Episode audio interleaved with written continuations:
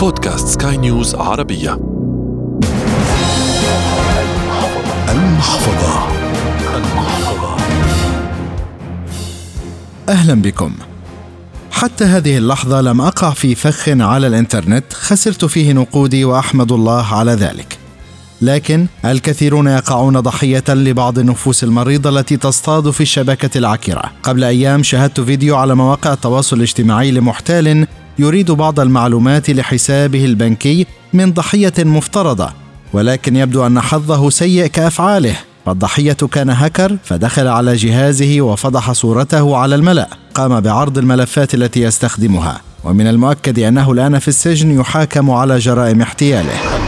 حلقة جديدة من المحفظة تأتيكم عبر منصة بودكاست سكاي نيوز عربية على أبل جوجل سبوتيفاي أنغامي والمزيد من المنصات الأخرى فكونوا معنا. في هذه الحلقة نستضيف الصحفية المختصة في الشأن الاقتصادي محاسن مرسل وربما سنصل في نهاية الحلقة لحماية أموال الكثيرين على الإنترنت. في البداية أهلا بك. الآن أصبح اعتمادنا كبيرا في معاملاتنا المادية على التطبيقات والبطاقات الإلكترونية يعني النقود الإلكترونية إن صح التعبير.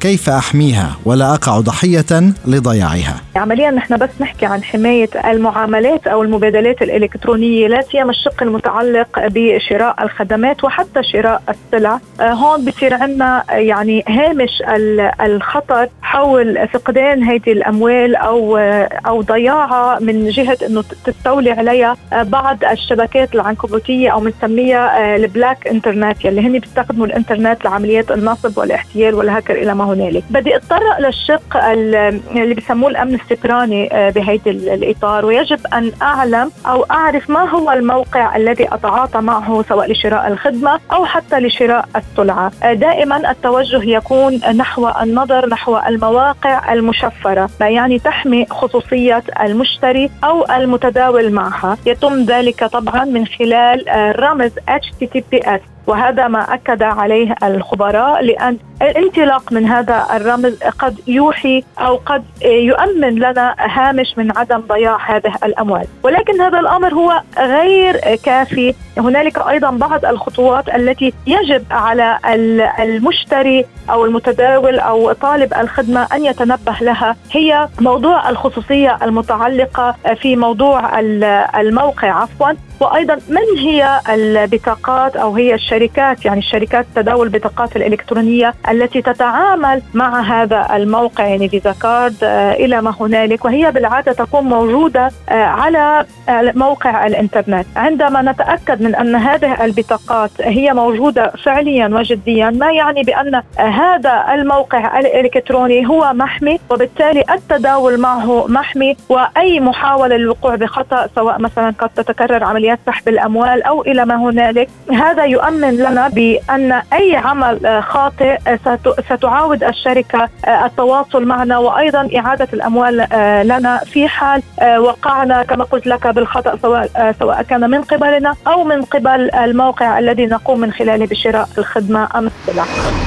طيب الأفضل استخدام البطاقة الائتمانية الدائن أم المدين عند الشراء على الموقع؟ يفضل دائما استخدام ال debit card لعدة أسباب، اولا لأن ال debit card هنالك أو prepaid يعني أنت بتكون حاطط فيها مبلغ معين من المال. اولا هذا المبلغ المعين من المال آه، بتكون آه، ممكن يكون ثمن الخدمة المشتراه أو السلعه المشتراه أو plus إنه بتكون أنت شايل هامش لا يكون لل commission إضافة إلى ذلك بالعادي يعني بتتجنب عدة أمور. اولا إنه في حال في حال بمكان ما تم تهكير أو الحصول بمكان ما على المعلومات. اولا تكفل إنه الأموال لن يعني ما حت حيكون عندك مبلغ معين هو يتم التبادل فيه. أيضا من المفروض يعني ما يكون في كثير معلومات انت لأنه بال debit card وبمبلغ معين ما بيكون في كثير عندك معلومات يعني تحديد سقف هذه البطاقة. صحيح صحيح 100% دائما لكن أليست ال credit card هي آمن لأنه بالنهاية هذه نقود للبنك والبنك مسؤول عن إرجاع هذه البنوك وبالطبع قدرته أكبر من قدرتي تكون. ولكن لا ولكن لل...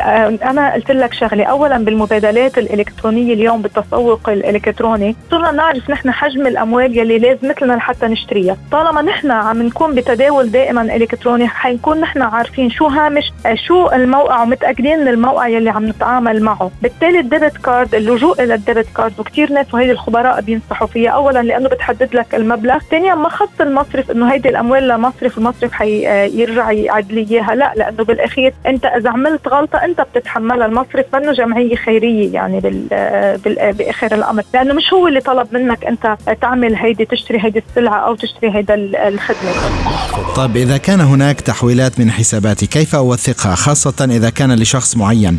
على سبيل الاستدانة مثلا. يعني لكي أضمن حقي. أولا فيما يتعلق بموضوع الحوالات لك إياها بالعادة كل المبادلات والتداولات الإلكترونية مثلا حأعطيك مثال عبر الإيميل. من 15 سنة لليوم صارت هي تؤخذ كمستند أو وثيقة أو دليل على أنه أنا قمت بهذه الحوالات المالية من خلال طبعا عدة طرق يتم التأكد منها. ولكن بالعادة يجب توثيق أي حوالي أقوم بها. مثلا أنا بدي أحول بقول لهذا الشخص بدي أبعث له أو ام تي أو إلى ما هنالك. ببعث له أو أو عبر الإيميل أو وات يعني أي عملية بدها تصير. ولكن بالمبادلات الإلكترونية بقول إنه أنا حولت لك واحد اثنين ثلاثة. يعني بذكر بالحرف أنا شو عملت العملية فيها. وبس يتلقاها بطلب منه إنه يعمل لي إشعار إنه هو تلقى هذا الأمر والمبلغ والمبلغ يلي أنا بعثت له إياه. طبعا أنا عم بعطي مثال على ذلك. لأنه حتى أي نزاع سواء كان قضائي أو ممارسة عملية احتيال يكون أنت عندك مستند يعني هيدي آه أنت الرسالة الإلكترونية اللي أرسلتها أو من خلال الحواله أو وات طالما أنت وثقت العمل يلي قمت فيه هي تعتبر مستند يؤخذ فيه بالعديد من المحاكم يعني حتى بلبنان بياخذوا فيه وأكيد بتصور بالدول العربية كمان صار يؤخذ فيه خاصة بالسنة يعني بآخر 15 سنة صارت كثير تستخدم كدليل يعني دليل للتاكيد على العملية صارت. نعم محاسن مرسل الصحفية المختصة في الشأن الاقتصادي شكرا جزيلا لك. وفي النهاية أنت فقرارك بين يديك. إلى هنا تنتهي هذه الحلقة والتي أتتكم عبر منصة بودكاست سكاي نيوز عربية على أبل جوجل سبوتيفاي أنغامي والعديد من المنصات الأخرى. تقبلوا تحياتي أحمد الآغا. من الإعداد والتقديم وغسان أبو مريم. من الإخراج الإذاعي إلى اللقاء. المحفظة.